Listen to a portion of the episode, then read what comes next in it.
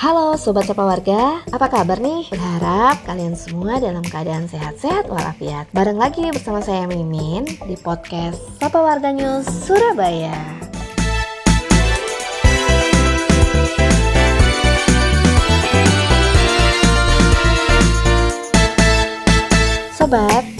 podcast kali ini bertema pentingnya penggunaan masker untuk mencegah COVID-19. Seluruh dunia sedang berperang untuk melawan virus ini. COVID-19 ini menyerang sistem pernapasan dengan gejala yang mirip dengan flu. Namun bedanya, kasus yang sudah parah akan muncul sesak nafas. Virus ini bisa menular lewat droplet atau cairan yang dikeluarkan oleh tubuh. Droplet ini berupa percikan ludah ketika berbicara atau percikan cairan ketika ada yang batuk atau bersin. Salah satu anjuran adalah menjaga jarak aman minimal 1 meter di antara orang yang lainnya. Ini untuk meminimalisir jangkauan percikan droplet dari orang yang terinfeksi virus COVID-19. Makanya wajib sekarang untuk kita menggunakan masker karena saat ini masker menjadi penting loh sobat. Semuanya harus pakai masker untuk kebaikan bersama. Gak harus pakai masker N95 atau masker bedah karena masker jenis itu diperuntukkan untuk tenaga medis yang sedang menangani pasien COVID-19.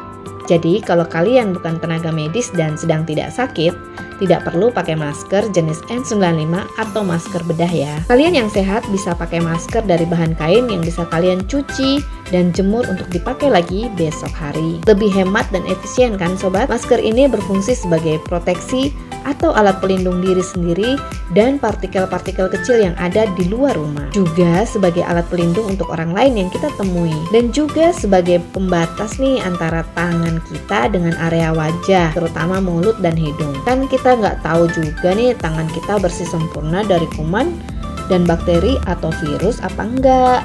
Masker bahan kain atau masker non medis ini berbahan dua lapis kain katun dengan ditambahkan tisu di sisi sebelah dalam agar layak untuk digunakan. Jadi ada pelindung tambahan nih di balik masker kain ini agar partikel-partikel kecil dari luar nggak sampai masuk ke dalam tubuh kita. Masker ini bisa kalian buat sendiri di rumah loh. Kalian yang hobi atau punya keterampilan menjahit, boleh banget nih bikin masker non medis ini di rumah. Hitung-hitung ngisi waktu selama work from home. Dan ingat, kalian yang sehat atau tanpa gejala cukup pakai masker kain atau non medis ya. Masker bedah hanya untuk mereka yang sedang sakit dan masker N95 untuk tenaga medis. Sobat, ada catatan penting juga nih Masker kain ini harus segera dicuci dengan air sabun setelah digunakan dan dijemur di bawah sinar matahari. Ini untuk menghindari kemungkinan adanya virus atau bakteri yang masih menempel di permukaan masker. Jadi, jangan lupa untuk dicuci dengan air dan sabun ya. Dan juga setiap orang paling enggak punya tiga masker kain untuk jaga-jaga di setiap situasi pemakaian. Yang paling penting lagi adalah Jaga daya tahan tubuh kalian dengan istirahat yang cukup, makan makanan dengan gizi seimbang, olahraga ringan dengan teratur, dan tambahkan vitamin bila perlu. Dan jangan lupa rajin cuci tangan dengan sabun dan air mengalir. Gantung baju yang habis digunakan di tempat yang terkena sinar matahari langsung dan kalian juga bisa berjemur di bawah sinar matahari untuk menambah daya tahan tubuh.